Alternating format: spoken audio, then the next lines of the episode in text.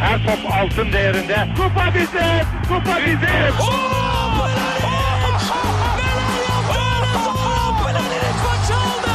Dengeli de attı. İsabeti de buldu. Matta Fontervi.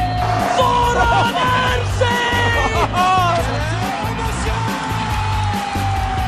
Dışarı çıkardı. Geldi, geldi, geldi.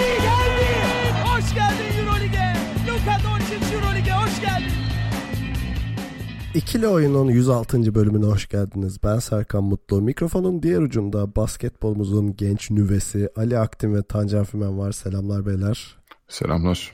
Ne haber? genç olduğu için böyle. Tabii öyle şeye girdim. Ne haber kankü? Ne yaptın moruk? Kankü. Kanküllah. Nasılsınız? Havalar nasıl ya? Bok. Kapalı. Yani buralarda serinledi. Tabii seninki kadar olmasa da. Ben mesela İstanbul'daki arkadaşlarla konuşurken şey diyorlar işte havalar bozdu biraz falan diyorlar. Bir bakıyorum 16 derece tamam mı? Lan Biz burada 16 derecede short tişört dışarı çıkıyoruz ya hava çok güzel falan diye. Benim şeyimde kriterimde motora yazlık eldiven hala Ha. bin. Tamam, o zaman iyi hava. Binebiliyor musun? Biniyorum şu anda. Güzel. Ben dün bisiklete eldivensiz binemedim mesela ellerim dondu yani. O dondurur ya aynen. Eksi bir falan. Neyse havalar sular böyle işte. Biz de yaşlı gibi konuşuyoruz ya. Çok boz... Nem. Abi nem evet nem olmasa. Bir de bizim kaynın sigortası yatmıyor. Ne yapayım? Allah. Ee, Euroleague konuşacağız. Konuşmaya başlamadan önce bize görüş, yorum, öneri, soru gibi şeylerinizi iletebileceğiniz kanallarımızı hatırlatayım. Web site adresimiz ikiloyun.com, mail adresimiz selam@ikiloyun.com. Twitter, SoundCloud ve Spotify'da ikili oyun takip etmeyi unutmayın. Harika bir Telegram grubumuz var. t.me slash ikili oyun adresinde muhabbet dönüyor. İçerik ortağımız Geek Yapar'ın YouTube kanalında da varız. Son olarak her türlü hırdavat ve do it yourself işleriniz için Tancan'ın mükemmel Twitch kanalı twitch.tv slash Tancan adresinde işte boru yapımı, tesisat açma Evet. falan gibi konularda Tancan sizi bilgilendiriyor değil mi abi? Abi evet, conta sıkma. Ee, çe- çeşitli işte döşemeler. Döşeme konusunda değil bizim kanal. Döşeme, laminant, Laminattayız. bildiğimiz bazı kelimeler. Pimapen. Pimapen Koli var, koli satılır. Ha pimapen. Pimapen marka biliyorsun değil mi? Biliyorum, biliyorum. Selpak gibi değil mi o işte? Evet. Bu arada sponsorlarımız Pimapen ve Selpa teşekkür ediyoruz. Aylardır destekledikleri için. Teşekkürler. Ee, peki başlayalım hazırsanız? Ee, Darüşşafaka ile başlayalım. Çünkü neden? İlk o oynadı. ee, Darüşşafaka Milano'yu konuk etti. Bu takıma Milano mu diyoruz biz? Milan mı Ee, diyoruz? Olimpia Milan mı diyoruz? Yoksa Armani Milano. Exchange mi diyoruz? Armani Milano değil mi işte? Neyse ben Milano Ar- diyeceğim. Armani. Milan de. Tamam. Milan. konuk etti ve yenildi. Ee, hani bu şey son haber. Sıcak gelişme olarak. Geçebiliriz. Ee, ama başa baş bir maçtı ve gene tecrübesizlik kurbanı oldu gibi diye düşünüyorum. Ne diyorsun Ali? Niye Ali bilmiyorum. Yani hem o zaten haftalardır bahsettiğimiz evet bu takımın e, o tecrübe eksikliğini göstermesi, o takım olamaması durumu. Yani bu maçta hani birazcık daha geçen iki haftaya göre ölü toprağını birazcık atmış gözüktü Darüşşafaka. Ama bu yeterli oluyor mu? Olmadı tabii. Tabii şeyin de çok etkisi var. Ee, yani Milano öyle bir üçlük attı ki hani e, gerçi bu hafta rekor kırıldı buluşma maçında 21 üçlük attı onlar. Ve bu maçta da e, Armani şey 18 tane üçlük attı. Yani o biraz gerçekten abartıydı ama şunu ben sezdim artık Darüşşafaka'da iyicene. Hani tamam yetenek seviyesi biraz düşük bir takım diyorduk falan. Ta ucuz oyunculardan kurulmuş takım. Hepsi okey ama ya kişilik olarak abi ben Darüşşafaka'da böyle agresif bir oyuncu hiç göremiyorum neredeyse. Biraz Michael Erik'te var.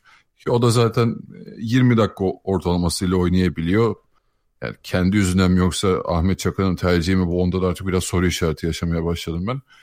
Ee, çünkü bir noktada belki hani maçları ilerledikçe form tuttukça ben arttırır diyordum zorunluluktan. Onu da pek arttırmıyor.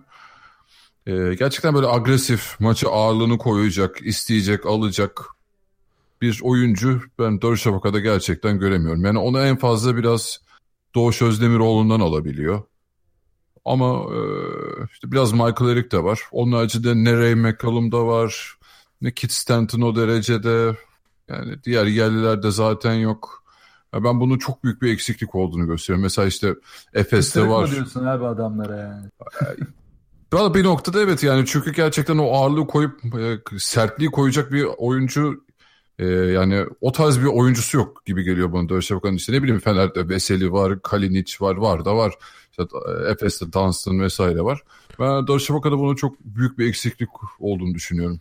Ben de şöyle katılıyorum ve yani böyle hırçınlık değil de bir, bir mühürleyecek bir oyuncu eksikliği var abi. Mesela bu maçta 3. çeyrekte o dönüşü yaptı hatta ikinci çeyreğin sonunda başladı. Hani 3. çeyrekte öne geçtikten sonra hani o moral motivasyonu da arkana alıp hani rüzgarla beraber böyle bir silkeleyecek rakip takıma mola aldıracak oyuncu eksikliği var Darüşşafaka'da. As yani Abi zaten- mesela şey gibi düşünüyorum. Kyrie Irving olabilir hani. Abi mühür deyince ben de dökme demir tava geldi. Yani sahanın bir noktasına koysak birkaç daçkalıdan daha çok katkı verebilir bir dökme demir tava. Kyrie olur ama bak Kyrie ya da Carmelo geçen hafta. Carmelo evet geçen hafta yani hiç dinlemiyorlar abi. Ve Carmelo'nun takımı da yok şu anda anladın mı? Aynen. Soyunma odasına bir veteran lazım yani Daçka'da. Bence tek sorun bu. ya ben de şey yani maçla ilgili cidden çok söylenecek farklı bir şey yok. O yüzden oturdum istatistiklere baktım ben yine hani anlamlı ne çıkarabiliriz Daçka'ya Konuşacak bir şey olsun diye. Aynen konuşacak. bu arada bu arada maçı alıyorlardı ya. İki dakika kala Michael Eric bomboş potanın dibinden kaçırdı yine. Ha, evet, o maçında yaptığı gibi. Aynen. Turnike yazsa belki dönebilirdi oradan da.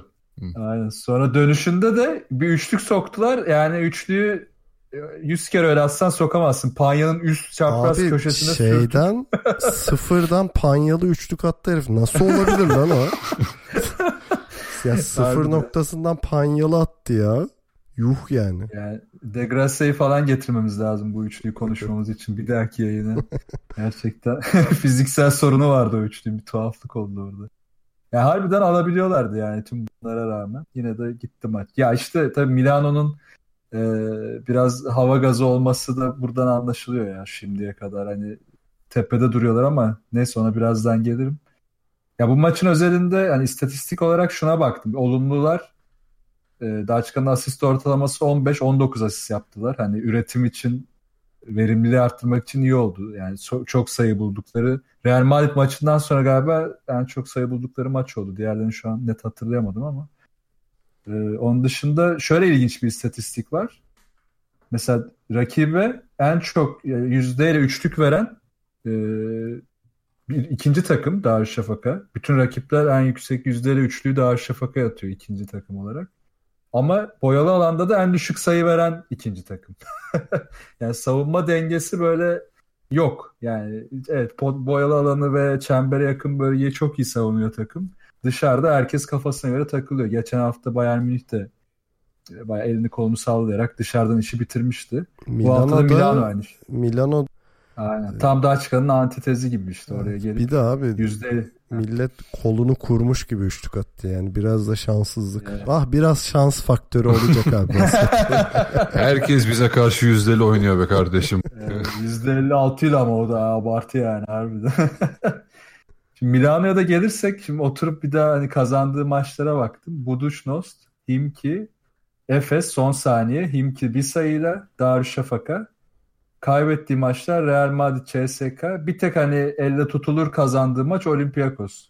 Ki o bile tartışılır ya Olympiakos'un durumuna bakınca.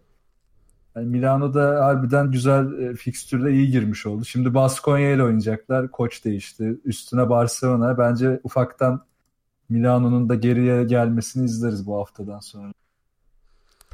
Ee, yani ilk dört takımı değil ama playoff takımı kesin ya. Yani çünkü playoff'ta yetenek kalır. yetenek havuzu derin yani adamlarda. Ya Baskonya falan. alt tarafın kötülüğünden oraya atabilir kendini yani çok zorlayacak bir takım da pek yok gibi şu an. İşte Baskonya toparlayacağını düşünüyoruz yani düş, to, düşünmek istiyorum. Hani o toparlar Olympiakos toparlar Jalgiris tekrar yukarıya çıkarsa Milano'da 8'i zorlayan takım olarak hani playoff yarışında kalır en fazla. Ya işte Barcelona ile falan oralara inebilirler onlar. Aynen. Ben Darüşşafaka üzerine yani maçla ilgili teknik şeyiniz bittiyse bir Avrupa basketbolunun sorunlarına eğileceğim abi. Evet. bir buçuk saat konuşacak şimdi. Yok şöyle Darüşşafaka özelinden yola çıkıp bir tüme varım yapmak istiyorum. Ee, ya şöyle abi Euroleague ile Eurocup organizasyonu arasındaki yetenek farkı çok büyüdü gibi geliyor bana. Hatta o kadar büyüdü ki artık Euroleague'in tepesindeki takımlarla aşağıdaki takımların yetenek farkı da çok büyümeye başladı. Yani bu şunu getiriyor abi işte Euro Cup'ı kazanan Euroleague'e geliyor ya. Bir sene için o yatırıma değmiyor gerçekten. Yani tutup da şampiyon olacak kadroyu zaten kuramıyorsun. Hani çok Hı-hı. zor. E, bir sene içinde yatırım yapmaya da değmiyor. Bu sefer Euro Cup'tan gelen takımlar bu türbülansı yaşıyor. Bu iş ne kadar daha böyle gider açıkçası bilmiyorum. Genel olarak hani o ligin kalitesiyle alakalı birinci derdim o. ikincisi de belki Panathinaikos Olympiakos'u da konuşurken bahsederiz biraz. Çünkü bu iki takım bence yani Euroleague'in marka takımı. Hani şu anda evet Real Madrid, CSKA, Fenerbahçe biraz domine ediyor gibi. Ama hani bütün geçmişine bakarak iki takım say desen ben hep Panathinaikos ve Olympiakos'u sayarım. İkisi de şey yollara girmişler gibi. E, toplama takım. Yani yüzer geçer yüzer göçer pardon Amerikalı oyuncuları toplayıp bir şey yakalama çabası gibi. Hani genel olarak bir gücün bir yerde toplanması ve Eurolig'in tavanıyla tabanı arasında üstüne Eurolig ile Eurocup arasındaki şey çok büyüdü gibi geliyor bana uçurum. Ve bu yüzden de hani Darüşşafaka'yı çok eleştiremiyorsun yani adam neye yatırım yapsın ki al mesela Galatasaray'ı hatırlıyorum yapmıştı yatırımı Eurocup senesinden sonra. Yani şampiyon olmadığın sürece orada kalamıyorsun zaten. Gerçekten bir şeye değmiyor yani. Ee, aynılarını dün ben de düşünmüştüm ya. Ki bu Galatasaray tek örnek değil. İşte Darüşşafaka yaptı. Bled'le beraber. E ne oldu? Tek sezonluk kaldı. E, bunun örnekleri de çok var ya. Kuban falan vardı mesela. Lokomotiv Kuban vardı. Onlar da Euroleague e, şeyini bir sezonluk yaptı e, yatırımını şey Euroleague olmadığı gibi dağıldı o takım mesela. Ki iyi bir takımdı yani ben seviyordum. Ne bileyim kazanmazan vardı işte King'ler Langford'u almışlardı. Hep tek sezonluk gelip geçiyor bence de bu şey kötü bir durum. Ve bir de e, bunun üzerine şey e, nostalji yapılıyor biraz hani e, yani nostalji doğru kelime değil de işte ah bir İtalyan takım da ekleyelim ah bir şey takım daha ekleyelim Fransız da ekleyelim ya abi ekle de o takımlar o seviyede değil tamam sen hani hmm. haritada daha büyümek için belki o takımları ekleyeceksin de yani onlar da geldiği gibi şey dibe şey atacak yani demir atacaklar çok net. Şu yani anda düşünüyorlar. Mesela Keith Langford dedin ya itiraf etmek gerekirse ben o herifin Panathinaikos'ta oynadığını bu hafta öğrendim abi. Ne işi var Keith Langford'ın Panathinaikos'ta Allah aşkına ya. Ya bir de Çin'e gidip döndü. Ha. Aynen. Abi işte ben Türkiye'yi eleştiriyoruz yani Türkiye'nin 2000 e, sonrası işte artık basketbol yerli olarak yani bir simge ismi kalmadı. İşte eskiden İbrahim Kutlay ile Ornene'den girip işte Harun Erdanay'dan çıkıyorduk. Şimdi bak aslında tüm Avrupa'da kalmadı. Yani çünkü zaten genç oyuncu Avrupa'da ikinci ligde bile 10 dakika oynasa eğer fiziksel olarak zaten uygunsa havada kapılıyor. Biraz yeteneği varsa zaten direkt e, NCA'ye gidiyor. Ya da işte çok şanslıysak Doncic gibi iki sene izliyoruz öyle gidiyor. Eskiden işte Panathinaikos'ta işte Albertis dönemi, Diamantidis dönemi. Şimdi Olympiakos'ta Sponis'in son dönemi ki artık zarar veriyor takımı. Ama eskiden simge isimdi. Şimdi hiçbir takımda simge olabilecek yerli isim de kalmadı. Çok, ya bakalım şimdi bütün takımların hepsine. En iyi oyuncuları ya Amerikalı ya da işte hasper kadar Avrupa'da kalmayı tercih etmiş. İşte Dekolo gibi. Yani herhalde e, Real CSK, yani. Real CSK Fener bunun biraz dışında yani. Mesela onlar bu yüzer göçer Amerikalı dediğim hani bir ara hala var da Türksel Süper Lig'de de vardı böyle her takımda oynayan e, Afrikalı oyuncular vardı ya. Tabii tabii. E, onun gibi işte bütün takımlarda gezen bu üçlü oradan biraz uzak duruyor. Yani oraya çok girmek istemiyor. Çünkü ben mesela Obradovic'in Mike James'i bıçaklayacağını düşünüyorum devre arasında yani aynı takımda olsalar falan. Ama üç takımda da yine kalıcı yerel isim yok ki. Yani bir tek Tamam, tamam. Real'de Lul var. Yani.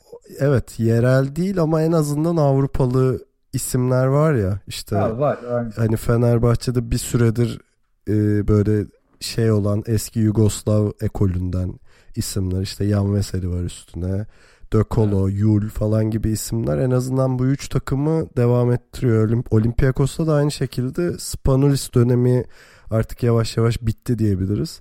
Hani gene de ama son 2-3 senedir bu da devam ediyordu. O da bitiyor gibi ve onun yerine gelen yapı işte prematüre oradan buradan adam toplamaya dönmüş gibi. Ben genel olarak Avrupa basketbolunun geleceğinin bu açıdan tehlikede olduğunu düşünüyorum. Seyir Tabii zevki açısından yani. Kesinlikle. Yani dönüp dolaşıp şeye geleceğiz işte yine. Yani üretim var. Oyuncu üretim var. Avrupa'da kalmıyor.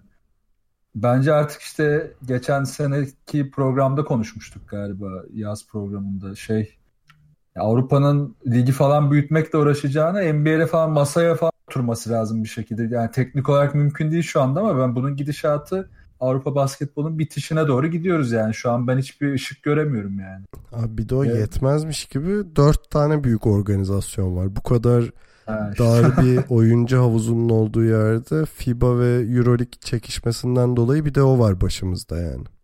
Aynen öyle. E bir de dü- dünya şimdi abartmaya başladı. Yani önceden NCAA'den çıkan oyuncu Türkiye'ye gelmek cazip geliyordu. Şimdi Avustralya'ya gitmek daha cazip. Hem daha çok para alıyor hem daha güzel bir hayat var. O cazibeyi de kaybediyor Avrupa. E, Rusya'ya da gitmeyi istemiyorlar. E, Zaten para verebilecek 2-3 ülke kaldı. E, Geri kalan ülkelerde para yok zaten. Oraya gelmiyor. O da kısır bir döngü daha sana işte. Neyse tekrar e, şeye Darüşşafaka'ya dönersek hani baktığında evet belki bir transferle takım daha iyi olabilir ama bir yandan da ne gerek var diyorsun abi yani yapacaksın da ne olacak yani. Yani Evet, playoff'a olmayacak yani. olacak? Aynen. Seneye yoksun Gerçekten anlamsız. işte yani Euro Cup'ta oynarsın belki ligde seni daha iyi bir konuma getirebilir evet. Ama bir yandan da hani o şeyin altına girmek istemiyor adamlar o külfetin altına ki anlıyorum yani. Valla ben olsam yabancı falan şey yapacağım. Giderdim daha şafak olsam anlaşırdım diğer kulüplerin. Abi bana en iyi genç oyuncularınızı verin. Biz de gelsinler Euroleague oynasınlar çatır çatır. Hiç de para vermezdim yabancı yabancı. Ki zaten hani onda diyorduk ya hani Türklerin süresi artsın zaten ne gerek var geri kalanına. Neyse bunalıma girdik herhalde. Yine tadımız kaçtı. Evet kusura bakmayın kaçırdım ama yani hep maçı izlerken bunu düşündüm bir yandan da yani. Abi haklısın yani. dediğin. Ha, Valla benim zaten tadım kalmadı. Tancan Avrupa basketbolunun sonuna geliyoruz falan dedi bence. Yavaş yavaş kapatalım programı. Kapatıp gidebiliriz. Ya işte hani o çok takılan konu var hep bize de gel işte Avrupa basketbolu çok iyi, NBA çok kötü. Bak teknik konusuna falan girmeyeceğim. Goy goyundan da sıkıldım da. Çok basit bir hani rekabet şeyine hani şu an Amerika'daki e, Batı konferansındaki sıralamayla Euroleague'deki sıralamaya bir bakıp ya herkes kendi kararını verebilir yani aradaki çekişme şeyine göre. Tabii şimdi sen de şey yaptın ama Batı hiç olmadığı kadar rekabetli şu anda. Hani oradan da örnek devşirmeyelim lütfen. Hadi doğuya baksınlar en azından.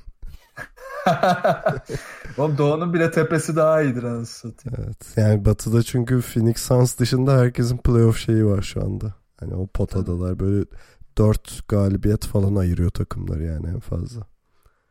İşte kesin mail gelir bu programdan. Abi böyle diyorsun ama NBA'de savunma yapıl.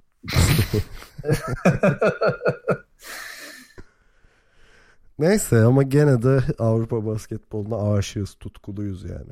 Ne yapalım? Seviyoruz. Öyle canım ben ben vazgeçmem. en kötü açıp 90'lar maçlarını izleyeceğiz tekrar işte. Sonra romantiksiniz diye. izleriz. Aynen romantiksiniz diye dalga geçecekler. Peki buradan Olympiakos Fenerbahçe'ye geçelim o zaman. Ee, ikinci sırada o oynanmıştı. Fenerbahçe Olympiakos deplasmanlarında dikiş tutturamayan bir takım. Özellikle e, Sulukas geçmişte çikolata ve çiçekle gidiyordu deplasmanlara yani. Buyurun abi gene biz geldik diye. Ee, bir de ben gerçekten hiç beklemiyordum hani Fenerbahçe'nin galip gelmesini. Çünkü Olympiakos'un hani bu zor biraz daha zor fikstüründe artık bu virajdan dönmesi gerekiyor ve işte Fenerbahçe galibiyetiyle bir ivmelenirler. Hani o gaz çıkarlar diye düşünüyordum. Ee, öyle olmadı. Fenerbahçe bir de gidip Veselisiz yendi. Hani e, bir de üstüne pastanın çileğini koydular yani. Neyse önce şeyi sözü size bırakayım. Bu sefer de Tancan'la başlayalım. Başlayalım abi. Yani Fenerbahçe'nin herhalde e, en temiz oynadığı maçlardan biri oldu ya. Hoşuma gitti yani. İz, izlemek ya izlemek çok zevkliydi maçı. Çok fazla detay vardı bir de o açıdan. Şimdi bazen maçları izliyorum şunu düşünüyorum. Yani not çıkarırken ulan ya her hafta aynı şeyi mi söylüyoruz acaba deyip farklı bir şey bulmaya çalışıyorum o maçtan. Hani bir detay yakalamaya çalışıyorum ya da bir tespit yapmaya çalışıyorum. Onu bulamayınca iyice tadım kaçıyordu. Bu maç o açıdan da çok malzeme verdi yani çok iyiydi. Mesela işte Olympiakos'un ilk e, yani ana ana hazırlığı tamamen rebound üstünlüğü kurma ve hızlı oynamaya gitti ki bunu Sfarapoulos da aslında geçen sezonlarda yapmıştı. Çok fazla rebound üstünlüğü ve sertlikte çembere yaklaştırmıyorlardı Fenerbahçe'yi. Bu Olympiakos çok yapamadı çünkü Fenerbahçe'de tam tersi olarak işte tek uzun çıkıp Printezis'i çok iyi savunup ki yine geçen sezon Printezis'i Wesley ile savunmaya çalışıp felaket başlayan bir maç vardı deplasmanda. Aynı hataya da düşmediler ki Printezis de çok formsuz bu sezon. Onun üstüne bir de işte e, Lovern ve Kalinic de forvet de özellikle pik oynayıp tepede oynamak yerine. Çünkü tepede oynayınca Fenerbahçe e, çok fazla direkt yani dikine tepeden çembere gidemiyordu ama forvetten sırtı dönük Kalinic ve Lovern'ı kullanınca hem toplu hem topsuz çembere daha iyi gittiler. Bu da Olympiakos'un bütün savunma planını bozdu aslında. Ki maç bir sayıyla bitti yani. Hani Fenerbahçe bunları düşük yapsaydı Olympiakos maçı farklı da alabilirdi. Yani Fenerbahçe çok iyi oynadı aslında. Bu maçın en güzel yanı da o. Yalnız Onun dışında Papa, Papa Nikolaou'nun üçlüğü de neydi ya? Bir sayıyla bitti de hani 4-5 ile evet bitecek yani. maçı hani şey heyecan kaptı yani. Saçmaydı. Bir de tabii bize Melih faktörü var. Bence Obradoviç bakmış ya Guduric de Melih de aynı şeyleri kötü yapıyor. Bari şu sokabileni sağda tutayım. Valla bence çok doğru tercih olmuş. Yani Melih de ısrar etmesi bütün maç. Hem savunma tarafında bile Melih bocaladığı çok an oldu. Hata yaptığı, faal yaptığı anlar çok oldu ama yine de Guduric'den daha iyiydi savunma tarafında bile. Ya bu plan da işe yaradı. Ya Obradovic'in sahadaki bütün planları da tıkır tıkır çalıştı. Ya Milutinov mesela çembere hiç yaklaştırmadık. Bütün etkinliğini bozduk. Bu da çok değerliydi. Bir daha bütün maç ben şeye takıldım ya. Çemberdeki mikrofona güm güm diye ses geliyordu. şey, beyler NBA gibi olsun güzel ses çıksın derken hoparlör takmışlar mikrofona. Aynen cami hoparlörü gibi koymuşlar onları. Abuk sabuk ses geliyordu. Ali sen ne diyorsun? Abi bence bu çok net bir mesaj maçıydı Fenerbahçe açısından ya. ya bir mesela yıldız oyuncun yok. Veseli oynamadı baba olduğu için. Ee, tebrik ediyoruz kendisine. Evet. Kendisi tebrik ederim. Ee, ya bu arada o da çok güzel bir olay değil mi ya? Hani takımın hani tamam kardeşim sen bu maçta kenarda otur. Biz bu iş bizde demesi yani bu takım olmanın güzel bir örneği ha, yani. Bu arada gelmek istemiş. Aynen. Obradovic yok hmm. gelme demiş. Herhalde akla geçen sene Jasikevicius'un olayını aynen, getirdi. Aynen. Evet Agustin'i yapmıştı değil mi? Aha. Galiba. Ee, neyse yani yıldız oyuncu yani en iyi oyuncularından biri yok. Ee, görece Avrupa'nın en zor deplasmanlarından biri. Ve ikinci çeyrek pardon e, ikinci yarıda Fenerbahçe tek molasını 30 saniye kala aldı. Obradovic. Ve o molada da e, görmüşsünüzdür. Hani masayı yiyecek de at vermediler ya. Dedim ateşe verecek şimdi ortalığı herhalde çok şeydi orası. Neyse yani e, Tancan'ın dediği gibi hani e, hikayesi bol olan bir maç oldu. İşte Melih'in maça ağırlık koyması ki hani alışkınız buna da Melih'in böyle e, yılda 2-3 hedef maçı olur ya orada çıkar bir delir maçı alır falan. O tarz bir maçtı. E, Spanulis'e yaptığı savunma hiç fena değildi. Aksadığı yerler olsa da. Onun haricinde e, işte Dixon'ın Spanulis'le kapışması mesela orada da ayrı bir hikaye vardı. E zaten hani Dixon oraların adamı. Yani onun için yaşıyor. Yani gerçekten Fenerbahçe'de e, kadrosunda o an için yaşıyor diyeceğimiz çok fazla oyuncu oldu ya. Ya böyle oyunları işte kargaşa, e, zorlu deplasman, çok fizikselliğe dönmüş ya da iyice ritimden kopmuş maçları Fenerbahçe ya yıllardır oynuyor oynuyor artık bunların çok ustası oldu. Ve bu da hani gerçekten çok net bir mesaj oldu e, Eurolig'in geri kalanında. Yani şu Fenerbahçe'nin son 3 haftada oynadığı maçların hepsi birbirinden zordu. Birbirinden çok e, fiziksel mücadele sahne oldu. E, hepsinden de şey e, galibiyetle çıkmaya başladı. O yüzden çok önemliydi. Ben benim son notum da yani Fenerbahçe için belki kağıda çok yansımadı ama bu maçın bence yani Sulukas tabii ki de çok net bir liderlik gösterdiğini ama bence en önemli oyuncusu yine bizim bol bol söylediğimiz Fenerbahçe'nin gizli liderlerinden biri Melli'ydi abi. Yani Veseli'nin yokluğunda fiziksel olarak hiç küç, küçülmemesi, e, reboundları toplaması, ofansif reboundları alması falan yani savunmada yaptıkları çok kritik bir rol e, üstlendiğine bir de son çeyrekte attığı üçlüklerle falan e, benim gizli kahramanım oldu yine bu maç için. Katılıyorum. Ben bir de Kalinic'i eklemek lazım diye düşünüyorum. Yani Fenerbahçe'nin enerjisinin büyük çoğunluğu Kalinic'ten geldi çünkü ve galiba özel olarak seviyor bu Yunan deplasmanlarını. İtici olmak pahasına bayağı bir enerji koyuyor sahaya. E, zaten maçtan sonra röportajında da söylemişti işte ben bu anlar için varım falan filan gibisinden. Onun kattığı enerji çok önemliydi. Çok beğendim Kalinic'i genel olarak. Özellikle 3. çeyrek Fener'in enerjisi çok düşüktü ama tek ayakta kalan Kalinic'ti mesela. O, o değerliydi.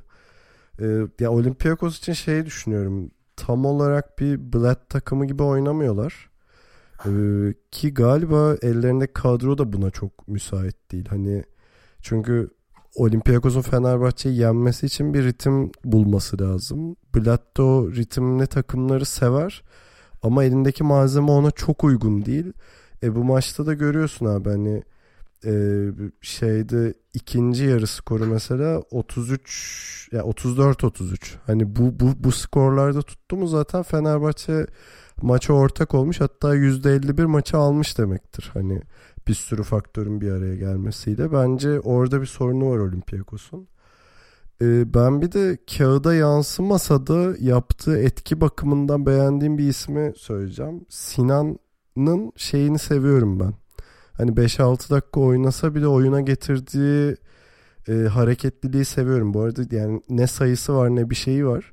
Ama her girdi yani oyuna girdiğinde mutlaka bir topu dolaştırmaya başlıyor Fenerbahçe. O etkiyi seviyorum. Mesela Gudur için bu maçta 2 dakika oynaması ama Sinan'ın 6 dakikaya geçmesi herhalde e, bu yüzdendi diye düşünüyorum.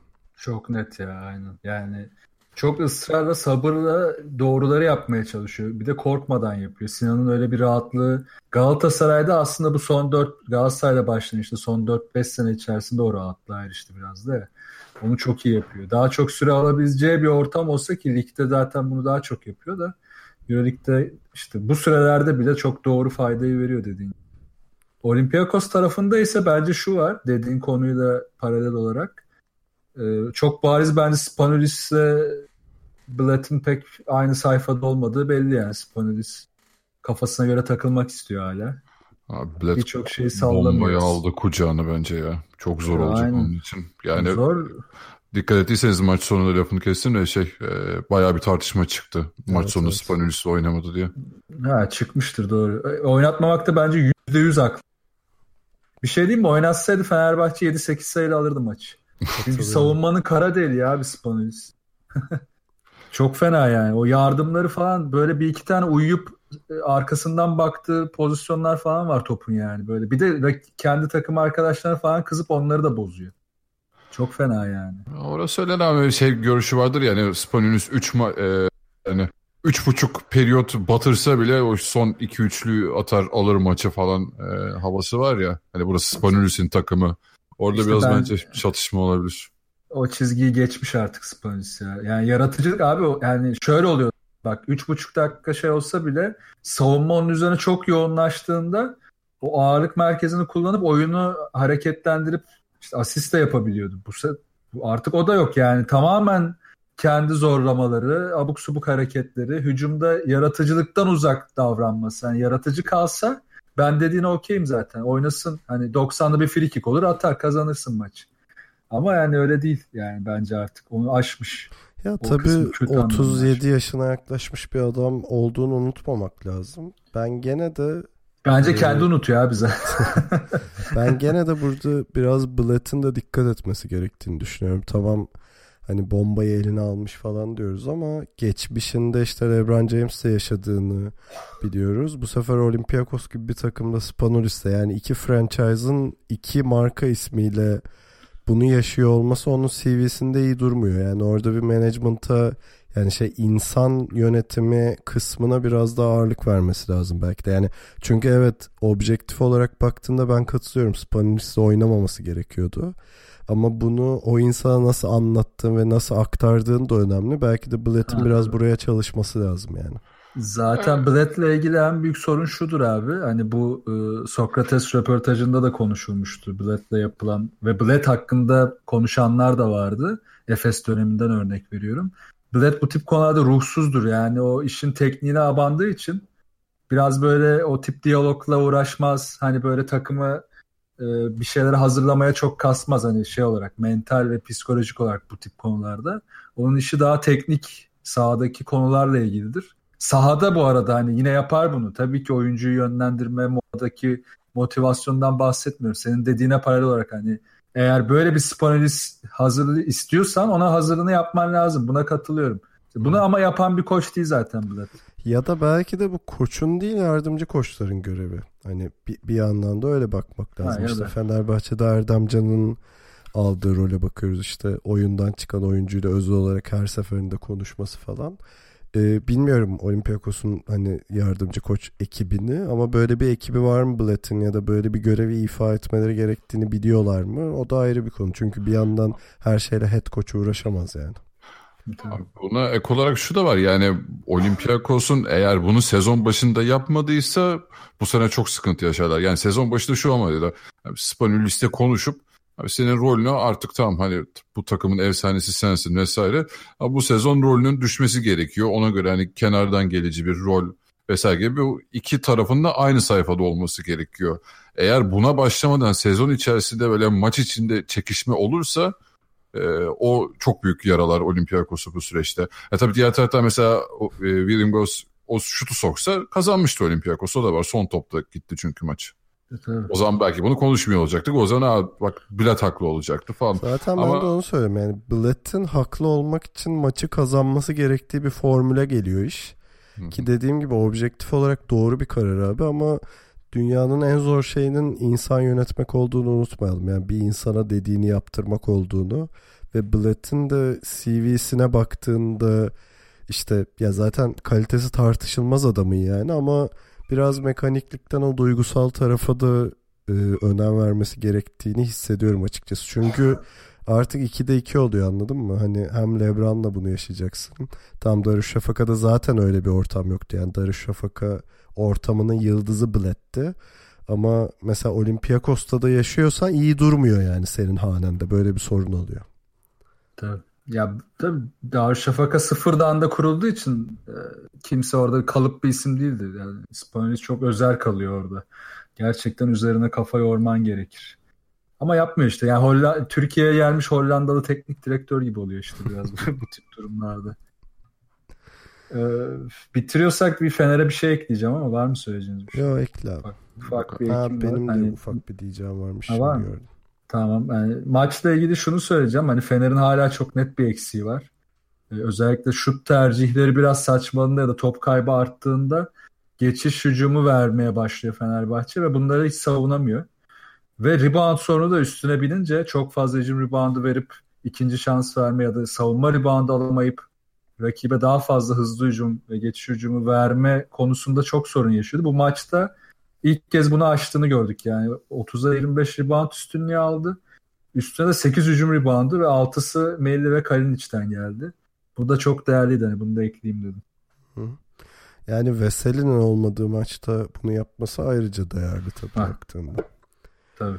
Ee, benim ekleyeceğim de şey var. Sulukas'ın orta mesafesini bu seviyelere getirmesi çok iyi bence. Ee, Fenerbahçe'ye büyük bir alan açıyor. Bu arada Sulukas hep iyi şutördü. Ama bu sezon özellikle orta mesafeye kasıyor gibi geliyor bana. Hani pick and roll'de uzun devrildikten sonra ya Sulukas'a yaklaşırsa rakip uzun, uzunu görebiliyor. Yaklaşmazsa orta mesafeyi de cezalandırabiliyor. Bu Fenerbahçe'nin hani yer yer tıkanan ofansında güzel bir şey açıcı oluyor yani. Bunu söylemek istiyordum. Katılıyorum buna da. Ali var mı ekleyeceğim? Yok abi. Peki kısa bir ara verdikten sonra o zaman Efes'in Panathinaikos'la yaptığı maçı konuşacağız.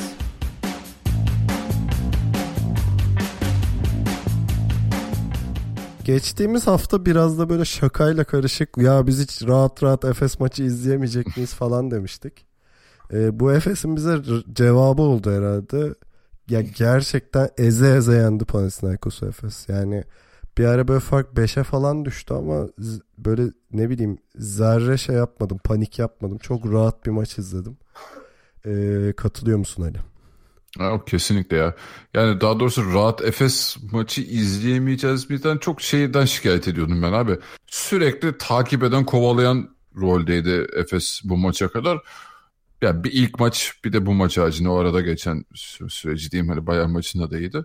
Yani ondan beri yani oh be dedim ya valla rahat rahat şöyle e, arkamıza yaslanıp oh, yani dediğin gibi şey e, fark düştüğünde falan bile hiç kesinlikle endişelenmeden izlediğimiz bir maç oldu.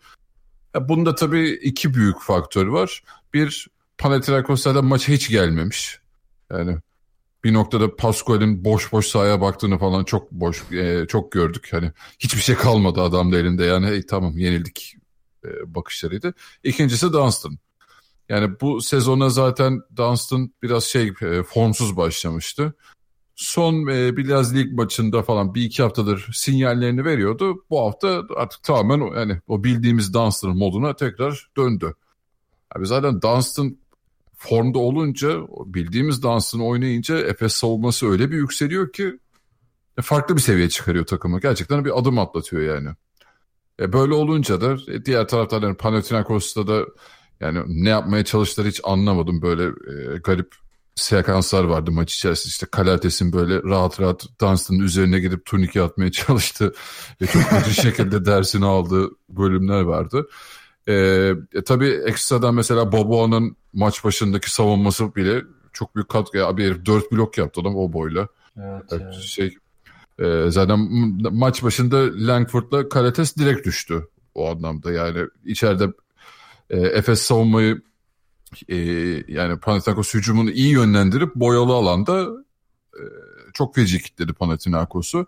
E, dış alanda da savunmayı iyi yapınca Efes top mesela e, üçlük anlarında yani dış şutlarda ya Karates'te kaldı ya Antetokounmpo'da kaldı. Bırak abi onlar sabaha kadar atsın zaten hiç sorun değil. Yani e, yani atmasını isteyeceğin adamlar onlar yani sana karşı. E zaten onlar da bir şey yüzde yakalayamayınca gayet sirkülese etti Efes yani o iyi savunmadan kaynaklı bir de e, savunmada şey hücumda da topu çok iyi paylaştı. Mesela Bavoa ile Simon açık sahayı harika kullandılar. E, Bunlar da çok fark yaratan e, şeylerdi. İşte Muharman'la Dunstan'ın e, uyumu harikaydı maç içerisinde. Yani birbirlerine çok iyi asistler yaptılar. E, zaten dördüncü çeyrekte yani neredeyse şut kaçırmadı Efes yani çok e, inanılmaz kusursuz yakın bir oyun vardı. E, gerçekten izlemesi çok keyifli sonunda oh be dediğimiz bir maç oldu ve umarım artık hani Dunstan'da bu formunu e, bundan sonra oraya çıktıysa orada korursa daha farklı bir Efes izleyeceğiz gibi duruyor bundan sonra. Tancan sana çevirmeden e, Efes savunması ile ilgili bir gözlemimi paylaşayım o zaman ben de Ali'nin bıraktığı yerden. E, ya hep söyleriz zaten Ergin Ataman'ın maçlara iyi hazırlanan bir koç olduğunu. E, ben Panathinaikos'a hazırlığını da iyi yaptığını düşünüyorum. Çünkü neredeyse bütün maç Efes hani bir hibrit bir alan savunmasına benzer bir savunma yaptı. İşte sadece bir adam yayın belki bir adam içine doğru çıkıyor.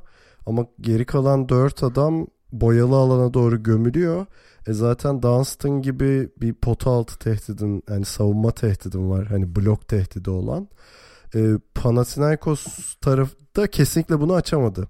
Yani çünkü birincisi o kadar saf şutörleri yok bence. Bu yani geçtiğimiz senelerle kıyasladığında mesela Karates'in üçlüğünü falan çok rahat e, riske edebildi Efes. E, hani açtığı çok ender anlar var. O da Doğuş Balbay'ın oyunda olduğu anlar. Çünkü Doğuş hani adamına çok yakın savunma yaptığı sev ya, savunma yapmayı sevdiği için ve biz bunu anlatmaktan dilimizde tüy bittiği için o tip savunmanın iyi savunma olmadığını orada çok kolay eksildi mesela. Zaten çok fazla oyunda durmadı ama genel olarak Efes'in bu savunma kurgusu Panathinaikos'a karşı çok iyi iş yaptı.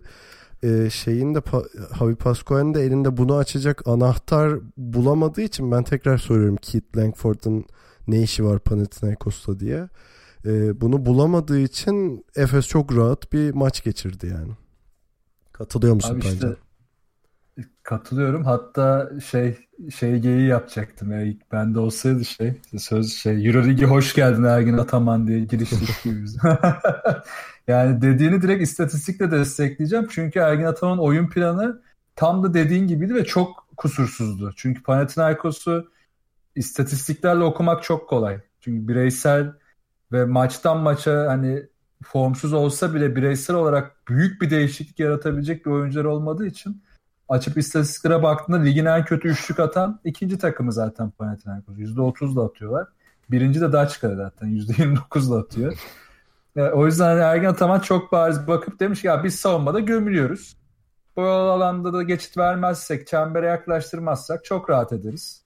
Ama bir tek şey istiyorum. Ee, ilk topu geçirirken de biraz baskı yapın. Eğer çalabilirsek ya da işte onların ilk pasına baskı yapıp topu çalarsak da açık sağ buluruz. Çok bariz bunu söylemiş ve zaten Ali de buna değindi açık sağ bulma konusuna. Hepsini yaptılar savunmada kusursuz bir şekilde. Yani Panathinaikos'un o e, 3-4 tane boşluk bulabildiler ama isteseler de zaten onları atabilecek bir e, formları da yok bu sezon. Yani tamamen oyun planı bunun üzerine kuruldu ve çalıştı. Abi Üstüne en, de en daha iyi, en iyi şutörleri Deşan Thomas gibi duruyor yani bayağı üzücü. Lojeski vardır da o da hiçbir şey yapamadı. Yapamadı aynen. Ona da bak ona ona iyi ona da iyi savunma yapıldı zaten. Hani oradaki ince detayları zaten vermiş Ergin. Ya biz Ergin Ataman işte hater'iz ya bir yandan hani. ne kadar çok eleştirsek de biz burada herkese eleştirdiğimiz gibi hakkında veriyoruz her zaman.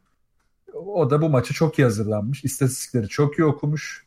Muhtemelen yardımcıları da çok iyi hazırlanmış analiz olarak bütün analizler e, doğru sonuç verecek şekilde Efes Anadolu Efes tarafından hazırlanılmış.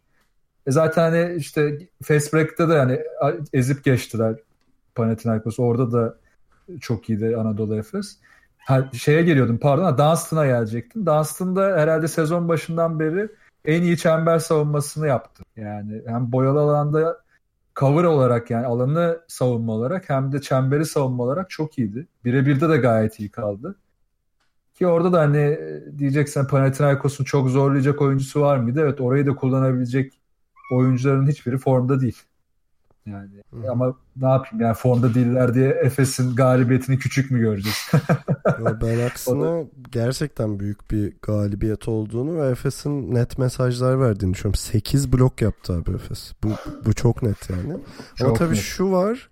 Yani bu tür savunma tabii bütün Euroleague takımlarına eşlemez. Mesela bu savunmayı Milano'ya yap içinden geçer yani Milano. Öyle bir de bir şey var. Tabii orada daha yakın. Zaten Anadolu Efes'in zorlandığı kısım o. Yani hareketli ve şutör kısalar varsa tabii yakın ve daha hani yarı sahada da baskılı ya da yakın savunma yapman gerekiyor. Orada çabuk eksilebiliyoruz çünkü hala Efes'in yardım sorunları var. Çok ciddi yardım hataları yapılıyor.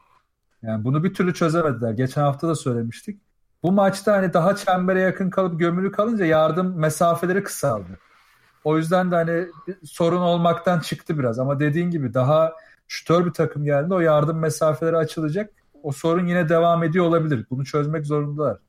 Hücum tarafında da hani Larkin yokken zaten şu anda işte Ergin Ataman style işte herkes 30 dakikanın üstüne oynadı ilk 5'tekilerin.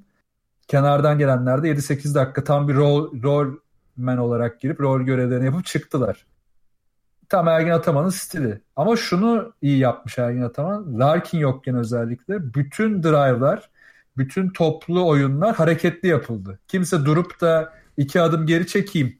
Hadi biraz isolation'a döneyim. Hadi biraz vakit geçireyim de hiç uğraşmadı. Larkin'in bozduğu düzen bu mesela. Yani Larkin yokken şu an işliyor. Ama Larkin geldiğinde umarım buna uyum sağlar ya da sağlatılabilir. Yani kafama takılan tek konu o şu an. Ee, ben bir de yani Mitsic'i söylemek istiyorum. Yani senelerdir söylüyoruz Mitsic'i niye Efes almadı diye. ee, Al, almadı değil mi hala? Ulan hala almadı. Nihayet geldi ve hani ne kadar değerli bir oyuncu olduğunu gösterdi. Bir kere çok hırslı bir adam. Hani kendini gerçekten göstermek istiyor. O üçüncü çeyreğin sonunda sanırım buzzer smacı vardı ya şeyden bütün sahayı hmm, kat edip top ya. çalma üzerinden falan. Hani böyle şeyler e, ne bileyim Efes'in çok aradığı şeyler zaten. Onun dışında da bir, bir şutör olarak da e, X faktör olabilmesi çok değerli zaten ve Efes sabırlı hücum edip Mitsic'i bulduğunda çok daha şey oluyor. Çok daha yararlı oluyor yani hücum anlamında. Ee, ne bileyim genel olarak herhalde sezonun en rahat galibiyeti ve Efes'in hani net mesaj verdiği maçlardan biri oldu diye düşünüyorum. Evet yani çalışılarak almış bir galibiyet ya o çok hoşuma gidiyor. İşte Milano'yu eleştirdik mesela. Milano şu an biraz hasper kader gidiyor. Yani tamamen bireysel yetenekler, rakiplerin çok bariz zaaflarına karşılık verebilecek seviyede üstün yetenekleri olması. Yani yaptıkları hiçbir plan aslında iyi çalışmıyor sahada. Çoğu da zaten oyunun içinde bozuluyor. Anadolu Efes de işte geçen yıllarda, geçmiş yıllarda hep böyleydi. Yani o istenen planlar, düzenler zaten yarım yırtıktı, olmuyordu, çalışmıyordu. Sahaya çıkınca hep değişiyordu. Şimdi her şey planlandığı gibi gidiyor ama hala eksikler var. Ama ben bana okey yani hani eksikler olsun da planlar düzgün gitsin. Ben bu Efes'i böyle izlemeye çok e, mutluyum yani izlerim.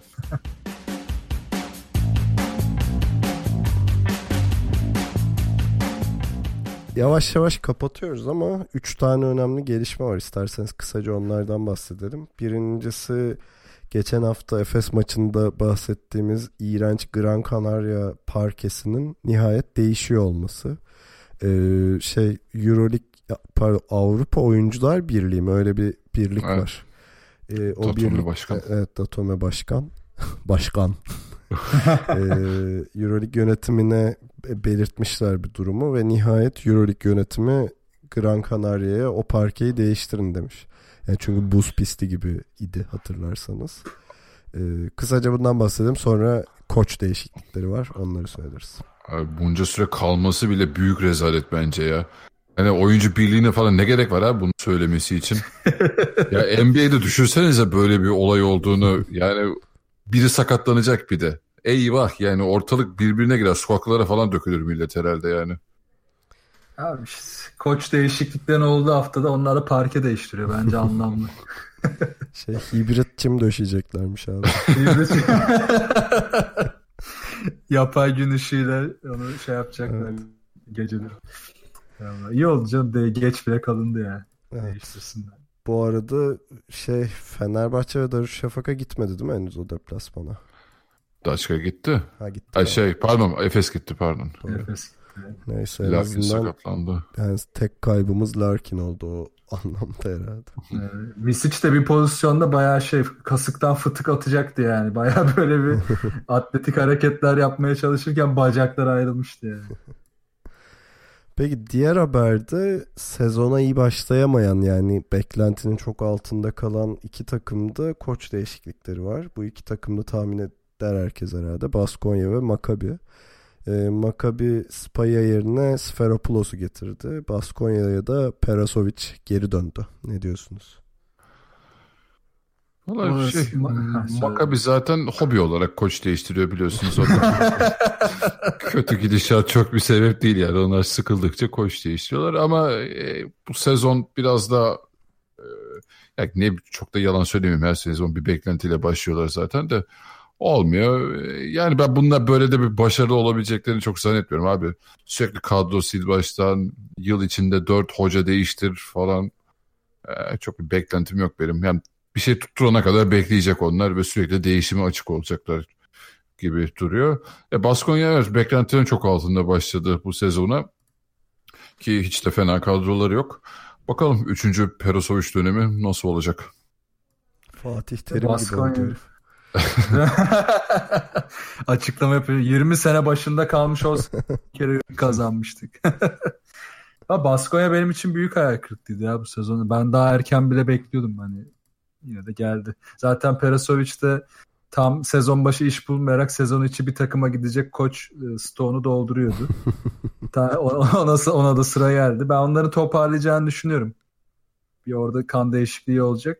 Ki geçen sezon da aslında benzer bir şey olmuştu daha. Başta yine değişti. Geçen sezon değil mi? En başta değiştirmeleri. Yoksa bir önceki sezon mu? Karıştırıyorlar. Geçen sezondu galiba. Değil mi? Evet. Hemen en Ha, başta yine Pedro değişti. Martinez geldi işte hemen doğru. Aynen. Ama Pedro Maccabi zaten- Martinez geçen sezon bayağı düzeltmişti takımı. Evet. Hani her seferinde koça ceza kesilmesi de bir şey spor gerçeği tabii.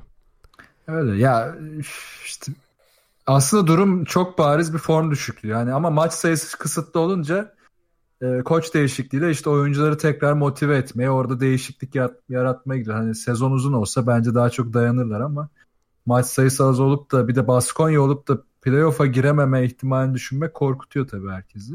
Maccabi tarafı tabii daha Ali'nin dediği gibi orası kim kime dumduma.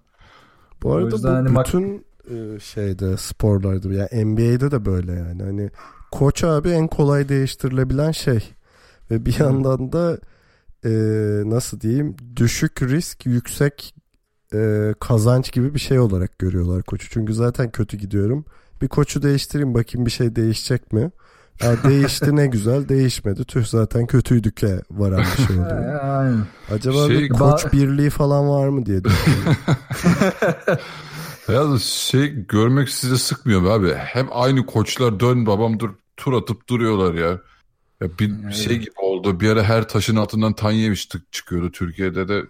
Yani Evet işte ya. keşke NBA'deki gibi bizde de hani bir asistan koçlar çıksa, head koçlar getirirse falan öyle şeyler olsun çok isterim yani. Keşke. Ben de isterim. Erdemcan gitsin pat diye bir Euroleague takım başına geçsin bence. ya. Bak isterim ciddiyim yani. Böyle şeyler olabilir. Olması da lazım abi. Yani bak NBA'de bu işi hala muhafazakar yapanların durumu ortada. İşte Washington Wizards. Koçu kovmuyoruz abi. Kovmuyorum seni. Yani kovmuyorsun al işte. Ondan sonra her sene John Wall el frenim. Ha, tamam hadi.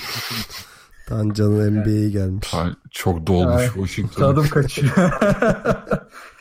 Yani Avrupa'da bu muhafazakarlıktan çıktığı zaman bence biraz hani o başta konuştuğumuz konunun ilk belki olumlu hamlesi olabilir. Yani iyi koçlar, iyi koçlarla çalışmak isteyen hevesli oyuncular, yükselen izlenme sayıları ve gelen paralar gibi. Yani hayal kuruyorum şu anda. Peki NBA'yi ne zaman yapacağız Tancan? NBA'in gelmişken sen söyle. Hafta içi yapacağız herhalde bir aksilik olmaz. Evet evet. Salı falan herhalde. Ee, Haberleşiriz. ama Ya bir de kap ne diyordun? şey kapatmadan şu Zik için röportajını izleyin diyecektim. Aa, evet evet evet unuttuk. Bıdışnost'un bıdık e, koçu. Evet, Abi evet. E, rekor kırdıkları maçtan sonra işte üçlük rekoru. Ali taklidini yapmak ister misin? Demin iyi yapıyordun. Ne- Ulan ben şimdi heyecanları neden unuttum. Eh, now I'm a good coach now. We make three points. what record? I have no idea what you're talking about. Mükemmel ya. Gerçekten. Hadi sen acaba GTA falan mı seslendirsen gene bir karakter falan mi? Evet, ona daha çok benzedi de. My dream will be get cold ya.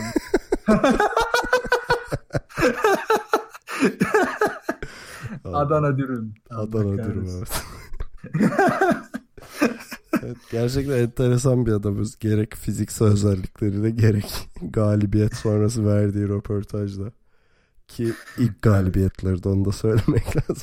Yani orada mesajı kime veriyor ben onu anlamadım. Yani ba- bir basına veriyor da hangi basın merak ettim. Acaba yerel bir şeyde mi konuşuluyor iş? Ya herhalde 0-6 başlayınca e, kötü koç gitsin mi misin mi bir tartışması basında mutlaka çıkmıştır. Şimdi hani rekor kırarak yenince o iyi koç mu oldum şeyi herhalde o tribi. Bariz kıl olmuş o birine. Takmış kafaya bilenmiş yani. Peki kapatalım. Dinlediğiniz için çok teşekkür ederiz. Bize görüş, yorum, öneri, soru gibi şeylerinizi iletebileceğiniz kanallarımızı hatırlatayım. Web site adresimiz ikiloyun.com, mail adresimiz selam.ikiloyun.com, Twitter, SoundCloud ve Spotify'da ikili oyunu takip etmeyi unutmayın. Telegram grubumuza bekleriz. Orada güzel muhabbet dönüyor. t.me slash ikili oyun adresinde Geek Yapar'ın YouTube kanalından da takip edilebildiğimizi hatırlatayım. Son olarak her türlü ne sorununuzu diyeyim. Bulamadı bu sefer Tanju.